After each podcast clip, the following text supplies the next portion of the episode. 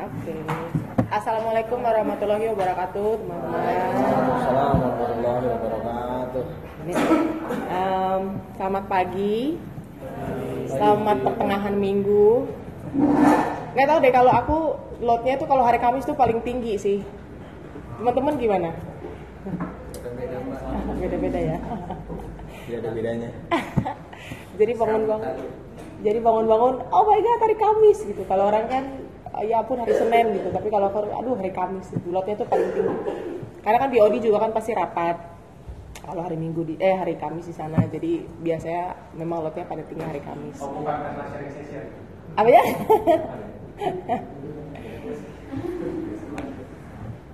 Iya, jadi yang aku tuh sebenarnya mau sharing apa eh, kayaknya sih agak bingung karena yang kemarin itu kan soal istirahat ya. Eh, itu kayaknya satu hal yang memang paling dekat di hati aku sih yang sharing kemarin. Jadi hari ini mungkin yang dekat yang kedua di hati aku. Dan itu adalah tentang kesehatan.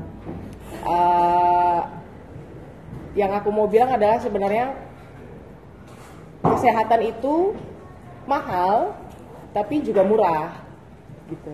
Kenapa aku bilang begitu? Karena tahun berapa ya? Sekitar kayaknya sih sekitar tahun 2002 itu pertama kalinya aku belajar mengenai mahalnya kesehatan. Nah, saat itu tuh saya punya ponakan, keponakan saya itu eh, tadinya sehat, umur 12 tahun, cantik, cantik banget. Umur 12 tahun dia tiba-tiba pulang ujian, pulang sekolah dia demam aja gitu. Dia demam terus em, tiba-tiba dia bilang aku udah mandi, aku udah segala macam mama kata gitu sama mamanya kan. Terus berjalan seperti biasa. Seminggu kemudian masuk rumah sakit dan didiagnosa leukemia. Gitu. Nah, dari situ saya eh, ngeliat banget yang namanya perjuangan eh, menyeimbangkan sel darah putih dalam tubuh manusia. Kita kalau berj- kalau apa kalau beraktivitas seperti ini norma-norma kita nggak mikirin sel darah putih kita kan gitu loh. Tapi ketika terjadi sesuatu baru kita pikir ternyata kalau berjalan dengan normal itu tuh berharga banget gitu. Jadi sel darah putih dia mendominasi itu kan disebut dengan cancer cancer darah atau leukemia. Masuklah dia di RSCM. Nah di situ aku benar-benar ngelihat kalau kita mau menghargai hidup masuklah RSCM gitu loh. Karena di situlah kita ngelihat orang-orang yang menghadapi eh, apa ya diperhadapkan dengan maut lah kayaknya. Karena itu kan penyakit-penyakit yang nggak terhandle sama rumah sakit lain lah yang ke situ gitu. Nah saya masuknya poli anak saya masih ingat waktu itu ruangan ada segede gini poli anak ICU anak. Itu anak tuh berjejer aduh nggak nggak bakalan tega deh. Anak tuh berjejer kecil-kecil gitu ya masih usia ya masih usia lima tahunan gitu. Itu tuh yang detak yang jantungnya tuh dikasih alat gitu. Dan itu banyak satu ruangan bangsal gitu. Ada yang kepalanya nah mereka berjuang supaya bisa hidup. Dan itu masih anak-anak gitu. Jadi itu eh, ponakan aku ponakan maksudnya eh, dari saudara dari teman sih tapi teman udah saudara gitu ya. Ponakan aku itu masuk ruangan khusus nggak bareng sama anak-anak yang kritis lain. Dia masuk ruangan khusus eh, khusus leukemia karena mungkin isolasi nggak bisa digabung sama yang lain. Dan di situ aku lihat banget perjuangan hidup anak kecil saja tuh kadang-kadang harus berjuang untuk hidupnya gitu bukan cuma orang dewasa gitu tapi anak kecil aja kadang-kadang ada ada jalan hidupnya takdirnya harus seperti itu satu bulan kemudian dia dipanggil Tuhan sih gitu. Dia nggak selamat gitu ya. Dia meninggal. Nah, tapi dari situ aku eh, eh, agak terpukul dan aku eh, akhirnya eh, di situ aku belajar mengenai pentingnya hal-hal sederhana seperti kesehatan. Terus kisah yang kedua saya punya eh, temen yang kayak saudara da- 20 tahun. Dan dia orangnya tuh sangat santai. Makan apa aja. Apa aja dia makanin dia nggak pernah takut sama apa pun gitu. Pok- pokoknya prinsip dia yang penting happy pasti sehat. Gitu. Tahun 2018 tahun lalu. Saya masih makan mie ayam sama dia malam-malam jam 11 malam. Kita suka konvoy. Jam 11 malam kita konvoy keluar gitu kan naik motor ke puncak gitu loh. Eh, pokoknya kapan kapan maunya hidup tuh free banget gitu care care free banget. Kita ke puncak naik motor gitu kan kadang-kadang ada perasaan kayak ini sehat nggak ya? Begadang-begadang begini terus naik motor ke puncak gitu. Tapi prinsip dia asal senang pasti sehat gitu. Jadi suatu hari tanggal 10 Juni uh, kita makan mie ayam bareng ketawa-ketawa seperti biasa sampai sampai jam 12 malam. Jam 8 pagi besoknya dia serangan jantung dan nggak ada. Gitu. Jadi uh, iya jadi ada beberapa hal seperti itu yang membuat membuat apa ya aku berpikir gitu. Pentingnya kesehatan uh, terutama ketika kita diperhadapkan dengan hal-hal seperti itu. Mahal perawatan kesehatan itu tapi sebenarnya dikatakan mahal karena uh, kita udah masuk rumah sakit gitu. Kalau kita lihat di rumah sakit itu ada apa buat oksigen apa namanya tabung oksigen itu mahal sekali bisa berapa juta sehari gitu. Tapi hari ini kita sama sekali nggak pakai tabung oksigen kan? Gitu. Dan apa ada yang harus cuci darah ada yang harus uh, apa namanya untuk ya kayak ponakan aku itu leukemia dia harus bahkan kalau kita dengar Denada itu sampai jual semua properti dia supaya level sel darah putih anaknya normal. Tapi kita hari ini sel darah putih kita normal kan? Gitu loh. Jadi mahal sekali memang kesehatan itu. Gimana membuatnya murah harus kita jaga.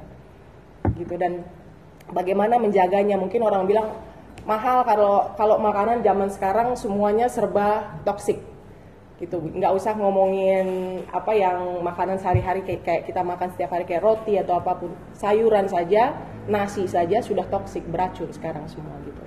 Jadi gimana kita kita diperhadapkan dengan hal-hal seperti ini setiap hari gitu. Uh, makanan organik cuma bisa dibeli sama orang yang mampu gitu kan. Kita harus makan makanan yang uh, sebenarnya itu sudah terpapar dengan segala macam hal-hal yang sifatnya beracun gitu. Tapi bukan berarti uh, kita jadi berpikir, ah udahlah bawa cuek aja gitu. Karena buat saya kesehatan itu kayak nabung ya. Tabungan kapan pun dimulai sedikit demi sedikit baru terasa waktu besar. Gitu. Mau mau nabung kesehatan atau mau nabung penyakit baru terasa waktu sudah besar gitu. Kalau tiap hari kita nabung, misalnya kita gaya hidup kita nggak sehat, makan sembarangan, pola hidup nggak sehat, itu kan kita tabung sedikit-sedikit nih dari masih kecil, masih remaja gitu kan nanti lama-lama waktu dia sudah membesar dan meng menghadiahi kita tanda kutip penyakit baru terasa tuh kayaknya saya harus berubah sekarang. Tapi untuk merubahnya udah susah karena sudah terjadi sudah terlanjur menjadi habit gitu. Di situ nanti kita udah kayak, duh nggak boleh makan gorengan susah gitu. Padahal sebenarnya kalau ditabung pelan-pelan itu bisa jadi kebiasaan yang yang sehat gitu gitu kalau kayak misalnya uh, ada um, sebenarnya saya sangat concern tentang hal ini karena saya sendiri juga sebenarnya uh, banyak alerginya dan saya itu harus diet gluten gitu diet gluten itu artinya saya nggak bisa sebenarnya makan roti nasi pasta mie itu susah sekali gitu pak awal tahun ini saya mulai diet gluten itu saya rasa kayak wah badan saya marah dan emosi pasti ya nggak happy tapi kenapa saya bisa begitu? Badan saya marah karena saya nabung dari kecil kebiasaan makan makanan yang glutennya tinggi. Gitu. Nah, waktu saya mulai waktu saya mulai di apa di pertengah di awal tahun ini saya mulai mengurangi itu semua, yang saya tabung kebaikan buat tubuh saya.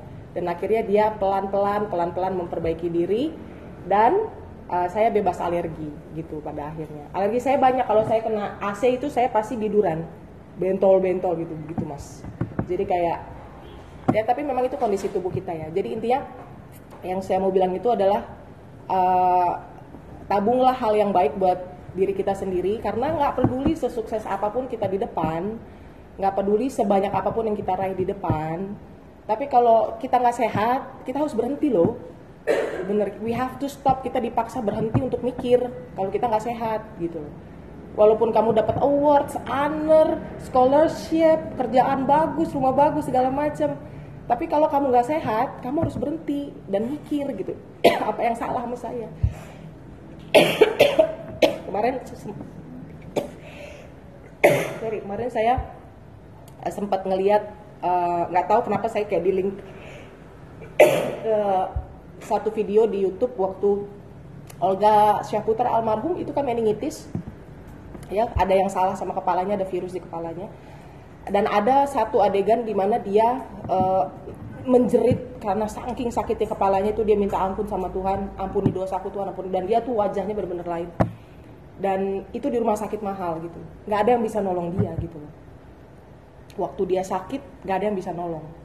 Gitu. Jadi apa pun yang udah dia raih selama ini semua yang dia udah raih itu nggak bisa nolong dia saat itu dan dia terpaksa harus berhenti dan memikirkan hidup dia gitu. Jadi buat aku oke okay, kita masih muda yuk kita sama-sama berkarya kita sama-sama uh, all out total buat apa pun yang kita lakukan. Tapi jangan lupa seperti yang aku bilang minggu lalu sebagaimana pekerjaan adalah bagian dari hidup kesehatan juga bagian yang penting dalam hidup. Gitu. Dan itu juga harus dapat porsi yang yang besar untuk perhatian kita. Dan itu murah kok. Nggak mahal nggak harus nggak harus investasi uang jutaan gitu loh. Ada banyak hal yang dikasih sama Tuhan di sekitar kita untuk menopang kita tuh untuk tetap hidup sehat. Dan yang pasti disiplin aja gitu sih kalau dari aku begitu saja pagi hari ini. Yeay berapa menit berapa menit berapa menit. Ya 15 menit pas